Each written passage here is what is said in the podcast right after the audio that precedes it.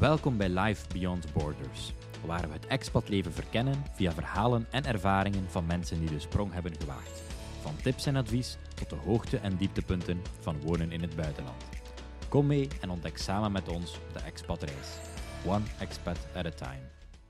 Welkom bij deze tweede aflevering van Life Beyond Borders. Mijn naam is Nino, jullie host, en vandaag praten we met Patrick Rietberg. Patrick heeft destijds gestudeerd aan de University of California, Berkeley, werd uitgeroepen tot Digital Top Talent in Nederland en is momenteel Account Executive bij Amazon Web Services in Madrid, Spanje. Dag Patrick, welkom in onze digitale studio. Hi Nino, dankjewel. Beetje zin in vandaag? Jawel, jawel, zeker. Het is heerlijk weer hier in Spanje, dus ik, uh, ik kan niet klagen. Ah, mooi zo. Alright, wilt u jezelf eens voorstellen aan onze luisteraars? Dus uh, mijn naam is Patrick Rietberg, ik ben, uh, ik ben Nederlands. Ik heb uh, vijf jaar geleden of zo, of zes jaar geleden, ben, heb ik in Amerika mijn master gedaan. Daarna ben ik een tijdje in het buitenland gewoond, waaronder de afgelopen vier jaar in, in Ierland, in Dublin. En ik ben nu sinds zes maanden woonachtig en werkend in Spanje, in Madrid. Alright, super. Laten we beginnen bij het, uh, bij het begin. Uw, uw studieperiode in, uh, in de United States. Hoe was dat voor u? Ja, ik vond dat heel cool. Ik vond dat heel cool. Ik had altijd, ik had altijd wel een, uh, een affectie met Amerika. En ik, ik zag het altijd enorm zitten om misschien een paar jaar in Amerika te wonen of daar te studeren. Um, en toen ik klaar was met mijn bachelor, zag ik een, een, kans om aan een supergoeie universiteit aan de westkust van Amerika te zitten. waar ik toen de tijd ook um, wel hard voor gestudeerd moet uh, heb om, uh, om binnen te komen. Maar daar, op het moment dat ik daar was, ja, ik vond dat uh, gewoon zo vet. Om, toch, het is toch een heel andere cultuur en, en toch hele andere soort mensen. En wat was dan het grootste verschil met, met studeren in Nederland bijvoorbeeld? Het is, allemaal, het is allemaal veel groter. Het is, allemaal veel, het is natuurlijk ook veel duurder, maar het is natuurlijk ook veel, veel groter. Het is, de campusleven is, is eigenlijk gewoon een, een, een, een klein dorp. Nou, niet een klein dorp, maar gewoon een kleine stad. Ja, ja, ja. Want alles draait een beetje om de universiteit heen. En dat merk je heel erg in, de, in, in, in, het, uh, in, het, in het leven, de lifestyle daar. Ja. En nadien verhuisd meteen naar, naar Ierland, zoals je zei, of eerst nog in Nederland even gaan werken? Nadat ik mijn studie had afgerond, had ik de opportunity of, uh, om in Amerika te blijven studeren. Over het algemeen was dat dan wel in een stageachtige mm -hmm. uh, positie. En uh, studeren in Amerika was al duur aan zich. Dus ik zag het eerder zitten om eerst een paar jaar in Nederland te gaan wonen en werken. Uh, om dan weer terug te gaan. Dat was mijn oorspronkelijke idee. Dus ik was uh, na mijn studie in Amerika ben ik teruggegaan naar Nederland. En heb ik daar bij een, bij een blockchain bedrijf gewerkt. Dat was to toen de hoogtepunt. Toen, toen Bitcoin naar 16.000 ja. dollar ging. En ehm, toen was blockchain helemaal de hype. En ik, uh, ik, ging daar aan de slag als uh, fintech-analyst voor, uh, voor een klein blockchain-bedrijf uit, uit, Amsterdam. Super interessant. En wat, wat houdt uw rol destijds dan in? Dus het was een klein blockchain-bedrijf die werkte aan mobile wallets voor, um, voor boeren in Afrika.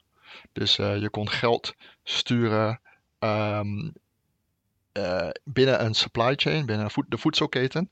Waardoor uh, vanaf de boer tot aan een, een de, de, grote supermarkt, zeg een, uh, een Delhaize of een Albert Heijn, um, is natuurlijk een heel supply chain. Ja. En het financiering daarbinnen, ja, dat is niet altijd even transparant. En door middel van blockchain en het voorfinancieren um, dachten, ze, dachten ze om dat meer transparant te maken. Alright, een, een, uniek, een uniek bedrijf, een, unieke situatie als ik het uh, zo hoor. Was dat voor u uw eerste, um, uw eerste aanraking met de, de tech-industrie, zeg maar? In deze, deze dan specifiek met blockchain? Nee, niet gelijk. Ik had uh, in mijn studie in Amerika, ik zat aan de University of California, Berkeley. En dat is een kwartiertje met de openbaar vervoer naar San Francisco. En natuurlijk San Francisco is natuurlijk een beetje de, de hub als het komt voor big tech. Dus ik vond het ook superleuk um, als, om als student uh, één of twee keer per week even de stad in te gaan. Om dan uh, naar evenementen of naar talks of naar uh, accelerators te gaan. Um, A, omdat ik gratis pizza en bier kreeg. En B, omdat het natuurlijk ook super vet was om nieuwe mensen te ontmoeten en te netwerken en te horen wat voor innovatieve die grote techbedrijven ja. hadden, maar ook heel veel van die, van die uh, start-ups die, die net een paar miljoen uh, funding hadden, hadden opgehaald, bijvoorbeeld. gratis pizza en bier, ik was daar al verkocht. Maar als, het, als, het dan, als het interessanter dan nog komt bij kijken, ja, zeer, zeer interessant. Um, Was het, al, werd je al van in je studententijd van, van plan, was het idee altijd, ik wil in de tech-industrie gaan werken? Nee? Nee, nee. ik, uh, ik heb een bachelor gedaan in uh, voeding en diëtetiek. Dus ik ben eigenlijk een heel andere kant op gegaan.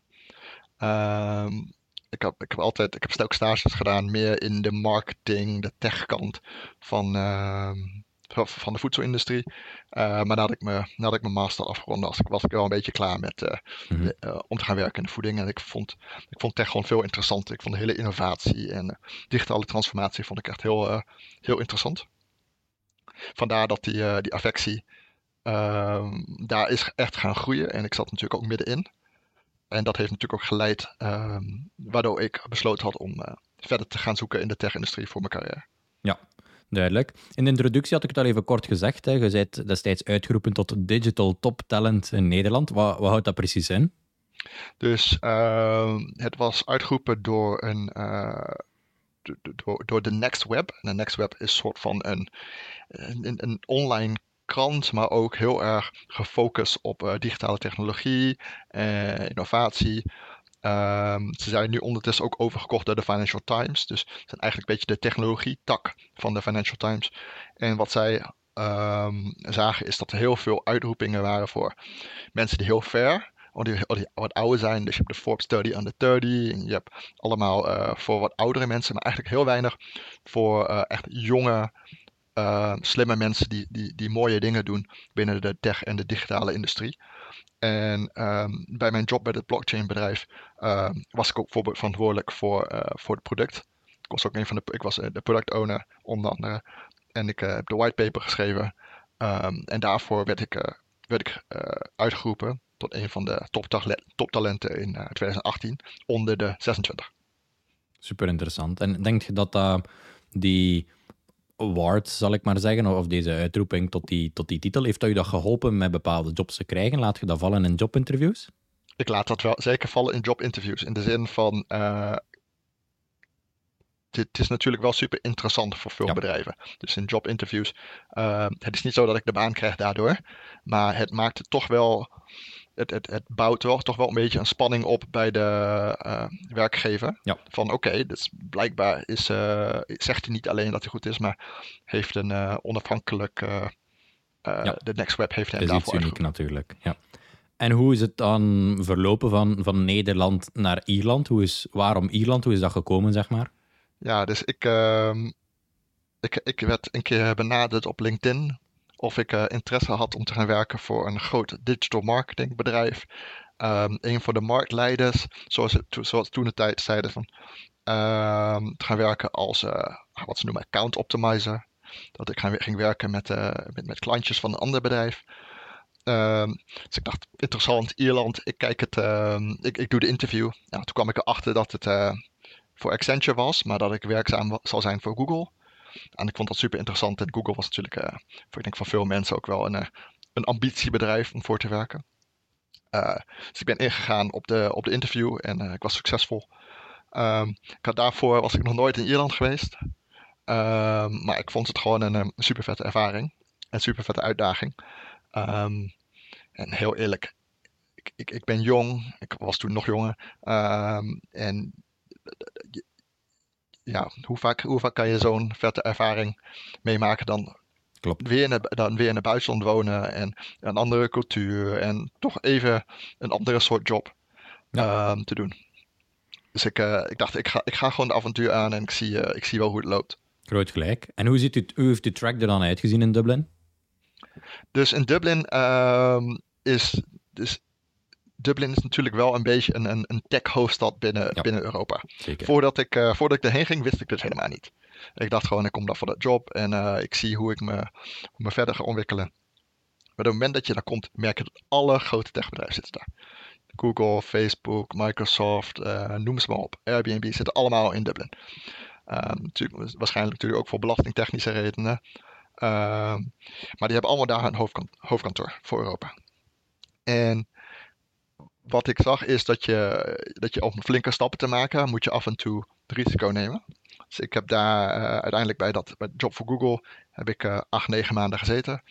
Uh, toen ik werd benaderd door een ander bedrijf, want ze zitten natuurlijk allemaal elkaar, van elkaar talent te pikken, werd ik benaderd door een ander bedrijf, het Salesforce. Dat is een van de marktleiders als het komt op CRM-systemen. Um, daar heb ik twee jaar gezeten toen ik weer werd benaderd, maar ditmaal door Microsoft. En dat was om te werken voor Microsoft uh, Cloud product, Azure. Uh, en daar heb ik daarna uh, anderhalf jaar gezeten. Ja, dus, dus wel een interne competitie tussen bedrijven daar voor, voor de talenten. Absoluut, absoluut. Dublin is wel een. als je jong, ambitieus en gedreven bent en in de tech-industrie wil werken, kan je daar wel op korte termijn ehm, flink, flinke grote stappen maken. Hm. Wat maakt het voor u zo interessant om in die tech-industrie te werken? Wat ik, wat ik, het eerste wat ik super interessant vind aan de tech-industrie is gewoon de innovatie uh, en, en, en de schaal waarin je kan werken. Dus je werkt echt met, je kan met hele grote, maar ook met hele kleine bedrijven, kan je echt een impact maken. Um, als je erover nadenkt, tegenwoordig alle bedrijven zijn een techbedrijf. Want je kan gewoon niet meer onder goed IT-systemen, onder goed, om de internet heen. Dus uh, een goede webshop, maar ook het goed up en running houden van je, van je software. Dat is allemaal uh, bijna eigenlijk priority nummer één bij veel organisaties. En de security daarvan, hoe hou je dat veilig, um, is voor veel bedrijven eigenlijk hun grootste expenditure na salaris die ze moeten uitkeren, na loon. Um, en wat ik zo mooi vond, is dat je ook gewoon daadwerkelijk, al denk je dat je maar een klein, klein rol speelt, speel je toch voor de bedrijf een hele grote rol. Je, bent echt, uh, je kan hen enorm helpen um, om echt een verschil te maken voor hun eigen organisatie. Daarnaast, ja, de tech-industrie is uh, enorm hard aan het groeien. Dus het is wel een, uh, een goede industrie uh, waarin je snel kan ontwikkelen. Ze zeggen ook altijd dat, dat verandering het enige consistent is bij, uh, bij techbedrijven. Omdat ja, zes maanden kan je job helemaal anders uitzien door de, door de economische situatie, door de industrie, door innovatie. De product kan helemaal opnieuw zijn ontwikkeld. Dus je moet, uh, je moet heel curious zijn. Je moet heel, heel uh, je moet gedreven zijn om te blijven, blijven leren en om, uh, om ook hard te werken, om succesvol te zijn. Um, waardoor ik toch, weet je, het, het, is heel uitdagend. En ik vind dat, uh, is nooit, je hebt nooit echt twee dagen dat je hetzelfde doet. Mm -hmm. Welk advies zou je hebben? Heel goed. Sorry? En dat betaalt ook goed ja, tech-industrie ja, betaalt. Samen met finance uh, is dat wel de industrie dat, uh, dat de hoogste salaris heeft. Dat is altijd dus dat is natuurlijk ook extra incentive. Ja. En welk advies zou je hebben aan, aan young graduates die graag een carrière willen beginnen in de tech? Gewoon starten. Gewoon starten. Je moet niet bang zijn om, um, om een jaar of twee te grinden. Om te kijken wat je leuk vindt. Um, wees niet bang om nieuwe, dingen, om, om nieuwe dingen te proberen het mooie aan de tech-industrie is, heel veel mensen denken dat je moet, je moet kunnen coderen en je moet, uh, je moet alles van A tot Z snappen. Heel veel mensen snappen het zelf niet. Het enige wat je hoeft te snappen is, je moet net meer snappen dan je klant. En je moet dat op, op een goede manier kunnen uitleggen. Dus je moet, uh, ik zeg soms wel, mijn job is, ik moet beter kunnen googlen dan de klant. Ik moet beter de antwoord kunnen vinden. En ik moet het op een um, je moet wat we noemen uh, zijn. Dus je moet heel erg gefocust zijn op, op, op, je klant. Ongeacht het soort rol dat je doet, moet je altijd nadenken van hoe kan ik uh, binnen mijn rol een impact maken voor mijn klant. En dan ga je succesvol zijn. Dus ongeacht welke rol je doet, waar je start, um, wees gefocust op je klant. Um, en denk na welke stappen kan ik maken om mij te brengen waar ik heen wil. En mm -hmm. het, uh, het kan heel snel gaan. Zeker een goeie. Dus en ondertussen heb je al een paar indrukwekkende bedrijven op je cv staan. Waar zoekt jij specifiek naar in een bedrijf? Wat heeft een bedrijf nodig? Wat moeten ze kunnen aanbieden voor u om het interessant te maken? Goeie vraag, Nino. Dus tegenwoordig, ja, ik heb inderdaad al een, uh, een paar ja, van de grootste bedrijven ter wereld op mijn, uh, op mijn cv staan. Veel bedrijven waar ja, een menig man uh, jaloers op zijn om daar, daar te kunnen werken. daardoor ben ik wel een klein beetje verwend geraakt. Ehm, in de tech-industrie komen er wel veel benefits. Er komen veel mhm. ehm, additionele voordelen van het werken. Um, bijvoorbeeld Microsoft op de kantoor in Ierland hadden ze, hadden ze meerdere restaurants en ze hadden een sportschool. Ehm, dat was allemaal heel lekker en heel fijn om daar te, rond te lopen. Um, maar voor mij uiteindelijk gaat het om waar denk ik dat ik uh, kan groeien. Ja. Heb ik een connectie met, uh, met de hiring manager? Um, vooral mensen die, um, dit is ook denk ik een goed advies voor recent graduates of mensen die uh, de, die markt in willen. Kies je manager uit. Het kan zijn dat je een nieuwe manager krijgt, maar je eerste manager of de manager waar je voor het bedrijf gaat werken, die is eigenlijk belangrijker dan de, de, je jobtitel. Ja. Want je, je, manager die gaat bepalen of jij de promoties kan maken, die gaat jou de kansen geven, die gaat jou uh, ondersteunen bij je groei. En je moet gewoon heel open en transparant met je manager kunnen praten. En als jij de juiste manager vindt, die gaat jou veel verder brengen uh, in de start van je carrière dan uh, een, een, een, een, hogere salaris of een, um, of, of een leukere jobtitel. Mm -hmm. Nee, zeker en vast. Uh, stond nog, ik had het nog in mijn hoofd om te vragen: hè, kiest men voor een positie, kiest men voor een line manager? Uh, want zoals gezegd, het, het, het, het, wordt vaak gezegd: kies voor een goede line manager. Uh, is belangrijk. In het, in het begin sowieso. In het begin ja. sowieso. Ja. Wat is uw favoriete tech, uw favoriete technologie? Een app, een software, een, een trend? Wat ik, wat, wat ik heel vet vind, is de, is, is de huidige trend. natuurlijk van AI. Mm -hmm. Um, als je kijkt naar uh, bijvoorbeeld naar ChatGPT, iedereen kent dat nu, uh, iedereen ziet dat. Het is super indrukwekkend om te zien wat, uh, ja, wat computers tegenwoordig kunnen. Um, soms, soms zou je denken dat je er een beetje bang van zou moeten worden. maar, maar hoe ik het zie is, het zal. Het, het versimpelt het leven. Het gaat tegenwoordig niet meer om. ik, ik, ben niet, ik ben niet bang dat een AI je job gaat overnemen. Want uiteindelijk willen we toch altijd meer een menselijke touch. Uh, en we, we zijn sociale, sociale dieren als mensen. Dus ongeacht wat je doet, mensen willen op een bepaalde manier. Uh, dat, dat, willen op een bepaalde manier dat je met een andere mens omgaat. Wat je wel ziet is, het gaat, het leven wel versimpelen. Bepaalde dingen uitvoeren, wat administratieve dingen. Um, ja, heel veel van je job is eigenlijk gewoon administratie. Is, uh, is het managen van stakeholders. Is het managen van, uh, van je taken.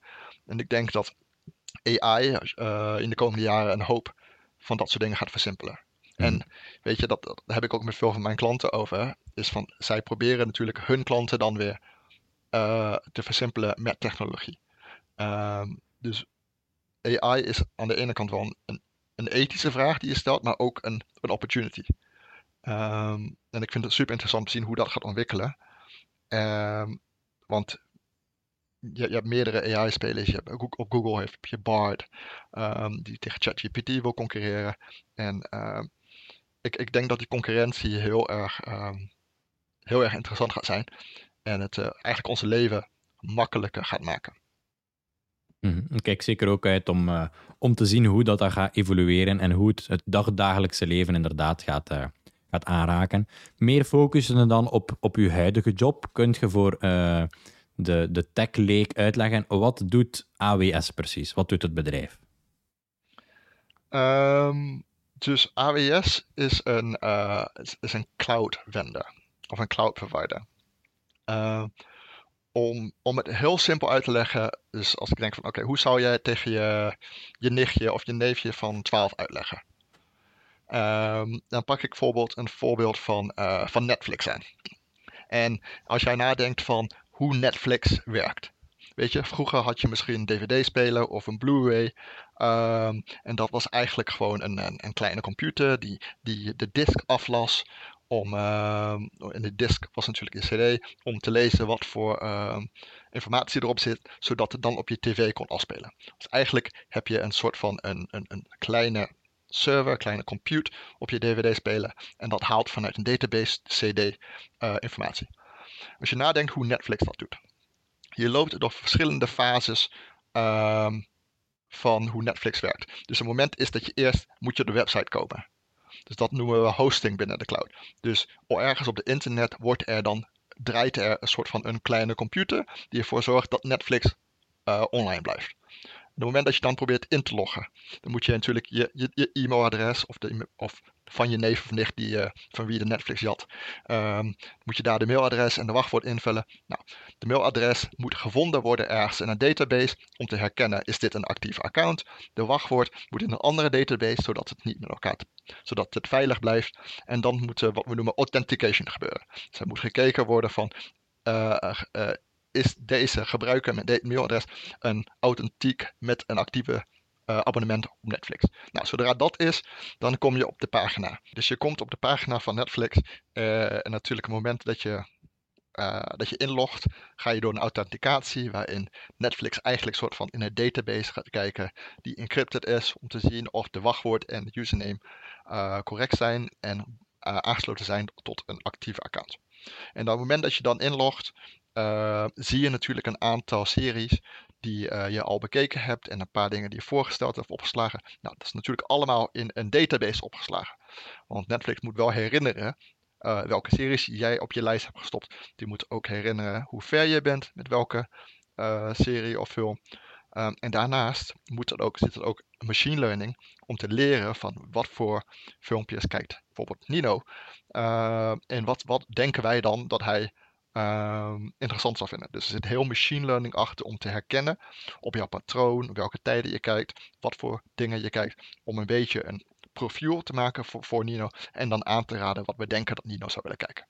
Nou, en dan als laatste stap, op het moment dat je op een filmpje klikt, moet het natuurlijk hebben, herinnerd welke filmpje je welke filmpje je gekeken hebt, waar je bent gestopt en dan gaan afspelen. Dus eigenlijk het afspelen is net zoals die Blu-ray. Uh, pakt het weer op van waar je was en gaat er eigenlijk een computer, of wat we noemen compute, aan de, aan de, aan de backend draaien om te zorgen dat jij, dat, uh, dat jij de filmpje kan zien. Dus eigenlijk moet je de cloud zien als geoutsourced uh, servers. Ja, ja, duidelijk. Nee, zeer goed voorbeeld ook om, uh, om, om Netflix dan aan te halen, zodat iedereen, ja, iedereen is dan mee met zeer goede voorbeelden. Dus dank u wel daarvoor. En uw job, wat houdt het dan precies in? Uh, is het dan communiceren met bijvoorbeeld een bedrijf als Netflix, hoe hun cloud er moet uitzien? Een beetje. Dus mijn job is, ik ben account executive um, voor wat we noemen independent software vendors. Dus ik werk met, um, met independent software vendors in de, binnen de Benelux over hun AWS verbruik. Dus independent software vendors zijn eigenlijk bedrijven die technologie bouwen om voor andere bedrijven te werken. Dus denk aan, uh, denk aan bepaalde, bepaalde software die uh, andere bedrijven werken. Dus een Salesforce zal een independent software vendor zijn. Hmm. Of uh, boekhoudsystemen. Ehm, bedrijven die, die dat soort software doorverkopen aan andere bedrijven, daar werk ik mee. Is dat, en geeft je dan advies?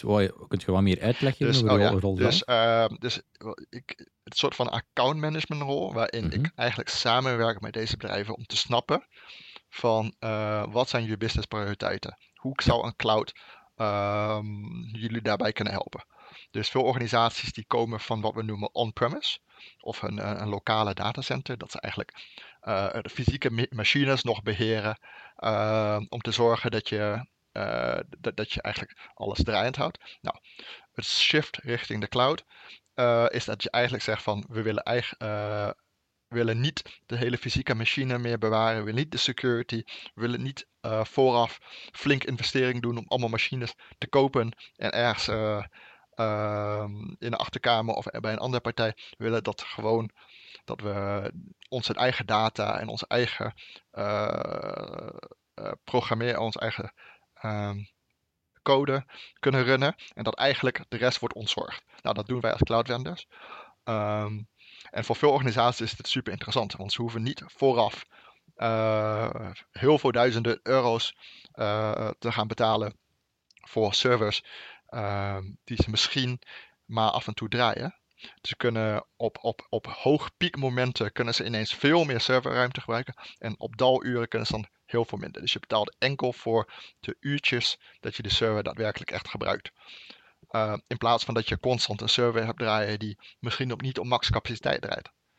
Um, en, en als laatste, weet je, het is super snel eigenlijk via de internet om nieuwe workloads, zoals we noemen, om nieuwe applicaties uh, online te krijgen.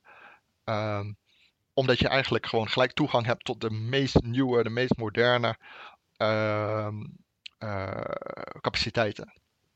Omdat natuurlijk, uh, het is economies of scale. AWS die heeft gigantische datacenters overal, overal rond de wereld. Ehm, die veel meer capaciteit hebben en natuurlijk veel, tegen veel gereduceerde prijs betere capaciteit kunnen aanbieden dan wat jij kan, kan krijgen. Ja, natuurlijk. Ja. Wat zijn voor u de grootste uitdagingen in de job?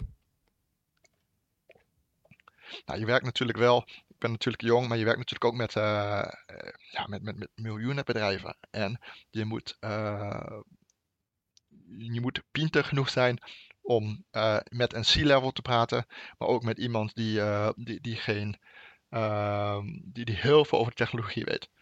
Dus je moet heel goed kunnen balanceren van iemand die misschien veel meer weet over het product dan jij. Uh, daarin mee te kunnen praten of de juiste mensen aan te sluiten. Om uh, daar een goed gesprek mee te voeren. Maar ook met C-level te praten, met de CEO en de CFO, die misschien helemaal niks over technologie weten. Maar die allemaal doelen of plannen hebben voor de organisatie. Om die te gaan vertalen richting hoe de technologie hun daarbij kan helpen. Dus je moet ook met marketingmensen gaan praten hoe je, uh, hoe, hoe, je hun daarbij kan ondersteunen en hoe de technologie daarbij een rol speelt. Dus je pakt meerdere takken binnen de organisatie op. Uh, en uiteindelijk zeg ik, ja, mijn job is meer stakeholder management dan dat ik uh, een expert ben. Dus heel erg de juiste mensen vinden, aanhaken, uh, proberen te snappen wat de klant wil bereiken. En dat op de juiste manier vertalen om te helpen dat ze succesvol zijn. Daarom komt je mhm. ook weer van die customer obsession. Dat je gewoon eigenlijk uh, gefocust moet zijn op wat de klant wil. Um, en ik denk dat ik daar sterk in ben. En vandaar dat ik ook in deze rol zit. Ja, zeer duidelijk. En hoe probeert je op de hoogte te blijven van de, de laatste nieuwtjes, de laatste trends binnen uw industrie? Ja, dus de technologie gaat veel harder dan, dan we zelf kunnen bijbenen. Um, maar wat, wat je moet doen is, je moet constant uh, als, als een e-mail-update zijn, probeer je die even te snappen. Je probeert de grote, uh, de grote updates probeer je, te bij te benen. Um, je moet, je, moet het helpt natuurlijk als je interesse hebt. Het helpt natuurlijk enorm als je interesse hebt in de industrie um, en in het product.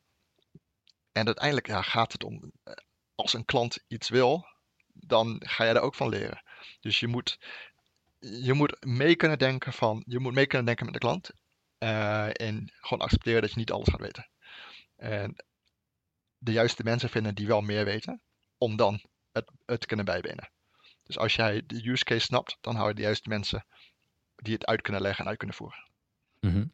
Alright, super bedankt voor uh, ja, super interessant gesprek. Uh, tot zover focusende op dan die tech-industrie en, en uw rol. Laat ons dan nu eens inzoomen op het leven in, in Spanje, Madrid. Hoe zijt je daar terecht gekomen? Ja, dus uh, na vier jaar Ierland um, zei mijn vriendin en ik van we zijn eigenlijk uh, het, uh, het, het, het grijs en het kou van, van, van Noord-Europa een klein beetje zat. We willen eigenlijk iets meer zon en een betere cost of living. Nou, toen hebben we een beetje rondgekeken. Um, en ik zag deze job in, bij AWS in, um, in Spanje, in Madrid. Uh, en ik deed een heel vergelijkbare rol deed ik bij, bij Microsoft in, in Ierland. Dus dat is eigenlijk ging ik naar een directe concurrent. Um, waardoor voor mij ja, de, learn curve, de, de, de leercurve niet enorm was, omdat ik natuurlijk al veel wist over de industrie. Maar ik moest het op een, uh, in een andere jasje moest ik snappen. Ik moest snappen hoe, hoe het op een AWS manier moest gebeuren. Um, ik, ik, ik ben zes maanden geleden uh, zijn, ben ik met mijn vriendin verhuisd. En we hebben echt hartstikke aan ons in. Eh, Spanje is echt uh, een, een superleuk, superleuk land. Maar dit is, super, is een hele grote stad. Vergeleken met, met Nederland en België en, en Ierland. is veel groter. 3, 3 miljoen mensen in de stad. En 6 miljoen als je de grote, grote gebied ziet. Um, maar ja, ik, het is 70%, 80% van de dag is het gewoon strak blauwe lucht en zonnetje. En um, je kan gewoon lekker een cervezaatje drinken en lekker een biertje drinken eind van de dag. Um, je hebt goed eten, het is veel betaalbaarder. Um, dus je kan gewoon een hele goede lifestyle hier hebben. En de mhm. mensen zijn super vriendelijk. Ze spreken misschien geen Engels. maar ja, het is ook goed voor je Spaans. Uh, om een beetje Spa Spaans te gaan leren en een beetje in, dat, uh, in de lokale mensen te gaan. Uh, mm -hmm. En kunt je Spaans? Nee, niet echt. Nee, Aan het leren? Ik ben, wel, ik, ben wel ja, ik ben wel begonnen met lessen. Dus ik doe iedere dag doe ik een beetje Duolingo. En ik doe twee keer per week doe ik, doe ik drie uur Spaanse les, echt in, met een klasje, naar werk. En ik probeer natuurlijk zoveel mogelijk Spaans te spreken. Dus ook ja. als we een drankje gaan doen of uit, uit, gaan eten, probeer ik wel even met de, met de serveerder of serveerster even Spaans te praten. Ja, dat is de beste manier om het te leren, de beste leerschool. Exact. exact. En is er een, een vrij grote expat community in Madrid? Dat valt, dat valt hartstikke mee. Ik, uh, het is, het is niet, niet, niet heel groot. Ik denk dat misschien 5% van de bevolking expat is. Hm. Maar je, Had je het anders je kan, verwacht? Ja, ik had er wel meer verwacht. Ik heb er wel meer verwacht. Ik denk dat uh, als je kijkt naar Spanje, dat heel veel mensen die expert zijn die echt naar Barcelona gaan. Ja. Madrid is wel echt voor de, voor de Spanjaarden. Um, maar ik vind, daardoor vind ik eigenlijk Madrid eigenlijk superleuk. Want je, je komt overal heen. Uh, je kan ook heel makkelijk naar, naar, naar Nederland of naar België vliegen. Uh, je bent binnen 2,5 uur ben je, weer, ben je weer in Nederland. En de luchthaven is super dichtbij de stad. Um, je, hebt, je, hebt dus, je hebt de hoge snelheidslijnen, dus je bent binnen 2,5 uur met de hoge snelheidslijn ben je gewoon direct van Madrid in Barcelona. Dat zeg je midden van het land, dus het is ook wel een redelijk droog klimaat, waardoor je niet super veel regen hebt. En uh, ja, ik zoals ik zei, ik heb hier voor vier jaar in Ierland gewoond, dus ik heb genoeg regen gezien. Um, ik, ik, geniet er wel van dat het gewoon droog en zonnig blijft. Ook al is het niet altijd even warm. Vooral nu. Kijk, het is nu een graad of 15 en volle zon. Dus je kan gewoon heerlijk nog uh, in, uh, in een t-shirtje op het balkon zitten. En uh, je hebt het helemaal niet koud. Mm -hmm. Ja, groot verschil met, met Dublin kan ik me wel voorstellen. Wat is voor u het grootste voordeel en het grootste nadeel aan de stad zelf? Je, hebt, kunt natuurlijk nu vergelijken met Nederland, met Dublin, maar ook met reisbestemmingen. verschil in? Wat bedoel je? de stad zelf, uh, leven, openbaar vervoer, ja, mensen prijzen. Leven, mensen leven veel meer op straat. Mensen leven veel meer op straat. Dus, uh, en, en alles is veel later. Ja. Dus uh, Spanjaarden zijn heel erg, uh, die gaan heel veel uit. Die gaan heel veel naar buiten om lekker een drankje te doen, lekker op het terras te zitten. Dus uh, eten zit heel erg in de cultuur. Dus natuurlijk, uh, je hebt de, de tapascultuur, maar ook als je in Madrid een drankje bestelt, ook al is het water, krijg je gewoon lekker een, een, een kleine tappa erbij. Uh, dat kan zijn olijven of een beetje chips, of zelfs bij wat betere zaken een kleine paella. Of wat, of, of, of wat broodjes, of een, een beetje gamon. Dus dat verschilt enorm. En waar ik wel echt aan moest wennen is de, is de eettijden. Dus uh, restaurants gaan hier echt om twee uur open in de middag voor lunch. En die gaan om vier uur dicht. En dan heb je gelijk ook wat ze noemen de menu del dia. Dus de meeste restaurants hebben hier door de week een uh, menuutje waar je tussen de 8 en de 15 euro betaalt voor een drie gangen lunch. En dan krijg je dan een drankje, een voorgerecht, een, een hoofdgerecht en een nagerecht bij.